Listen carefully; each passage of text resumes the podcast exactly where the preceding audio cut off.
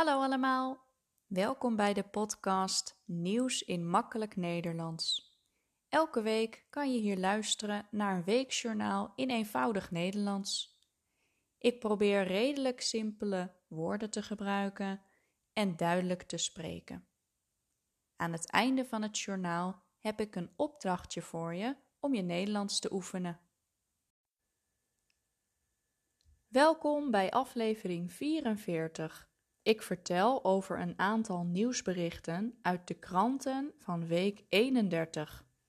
Deze aflevering gaat onder andere over de droogte in Nederland, de Pride Amsterdam en de gespannen situatie tussen China en Taiwan. Het is deze zomer erg droog in Nederland. We hebben te weinig water. Het water in de rivieren staat erg laag. Sommige woonboten staan zelfs droog. Waarom hebben we een tekort aan water? Nou, het regent niet veel en het is heet in het land, met soms temperaturen van bijna 40 graden. Als het heel warm is, verdampt het water. En in de kustgebieden kan het zoute water via de bodem omhoog komen. Het zoete water wordt dan zout. Dit probleem heet verzilting. We hebben de laatste jaren steeds meer last van droogte in Nederland. Er is nu nog genoeg drinkwater voor iedereen, maar onderzoekers werken aan oplossingen voor de toekomst. Zo is er een pilot in Scheveningen bij Den Haag. Daar proberen ze met installaties om ziltwater, dat is een beetje zout water, maar niet heel zout, zoet te maken. Dit proces heet zuiveren, maar het kost veel energie. Ook kijken ze of we later zeewater kunnen gebruiken. Dat water is natuurlijk erg zout, dus het kost extra veel energie om dit water te zuiveren. Een andere oplossing is om meer regenwater op te vangen. Nu loopt veel water direct het riool of een sloot in. Misschien kunnen we dat water in de winter opvangen en gebruiken in de zomer. En natuurlijk helpt het als mensen niet te veel water gebruiken. Denk aan minder lang douchen en geen zwembad opzetten in de tuin. In de Amerikaanse hoofdstad Washington zijn drie mensen overleden door een blikseminslag. Bliksem is het korte, felle licht dat je ziet bij onweer. Het is slecht weer, het regent en je ziet een flits. Die flits heet bliksem. Daarna volgt een donder. In een park dicht bij het Witte Huis zijn vier mensen geraakt door die bliksem. Drie van hen zijn overleden en een andere persoon ligt in kritieke toestand in het ziekenhuis. De drie doden zijn een man en vrouw die hun 56-jarig huwelijk vierden in Washington en een man van 29 jaar.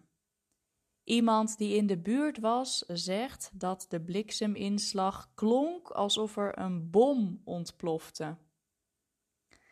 Elk jaar overlijden gemiddeld 23 mensen in de VS doordat ze geraakt worden door de bliksem.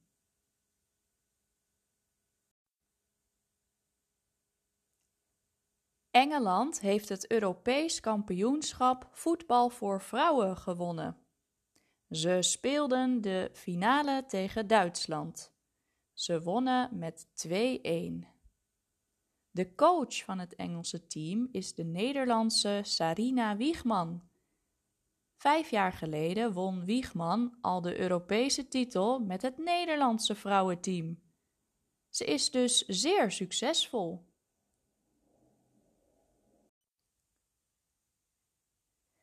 Deze week was de Pride Amsterdam. Dit is een jaarlijks festival dat ongeveer een week duurt. LHBTI'ers en anderen vieren de vrijheid om te kunnen zijn wie ze zijn.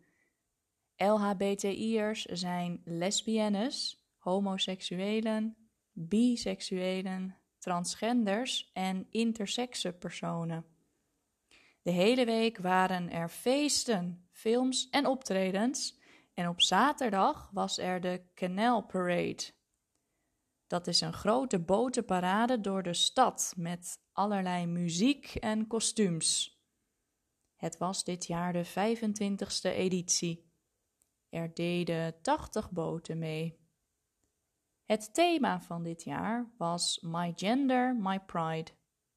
Het evenement was gezellig en feestelijk en er waren geen grote incidenten. Op sommige plekken werd het druk, zoals op het Rembrandtplein en de regulier dwarsstraat, maar het leidde niet tot problemen. Het was een Pride volgens het boekje, aldus de woordvoerder van de Pride.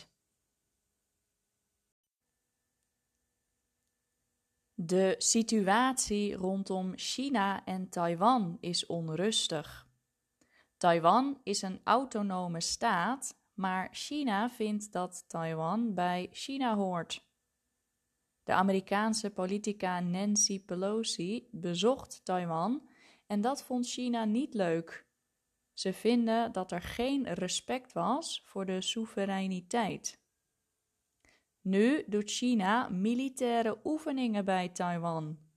Ze hebben elf raketten afgevuurd en varen met boten bij de watergrens tussen China en het eiland Taiwan. Ook zijn er waarschijnlijk Chinese drones gesignaleerd boven het eiland en zijn er websites van de overheid gehackt. Het leger van Taiwan bereidt zich voor op een oorlog.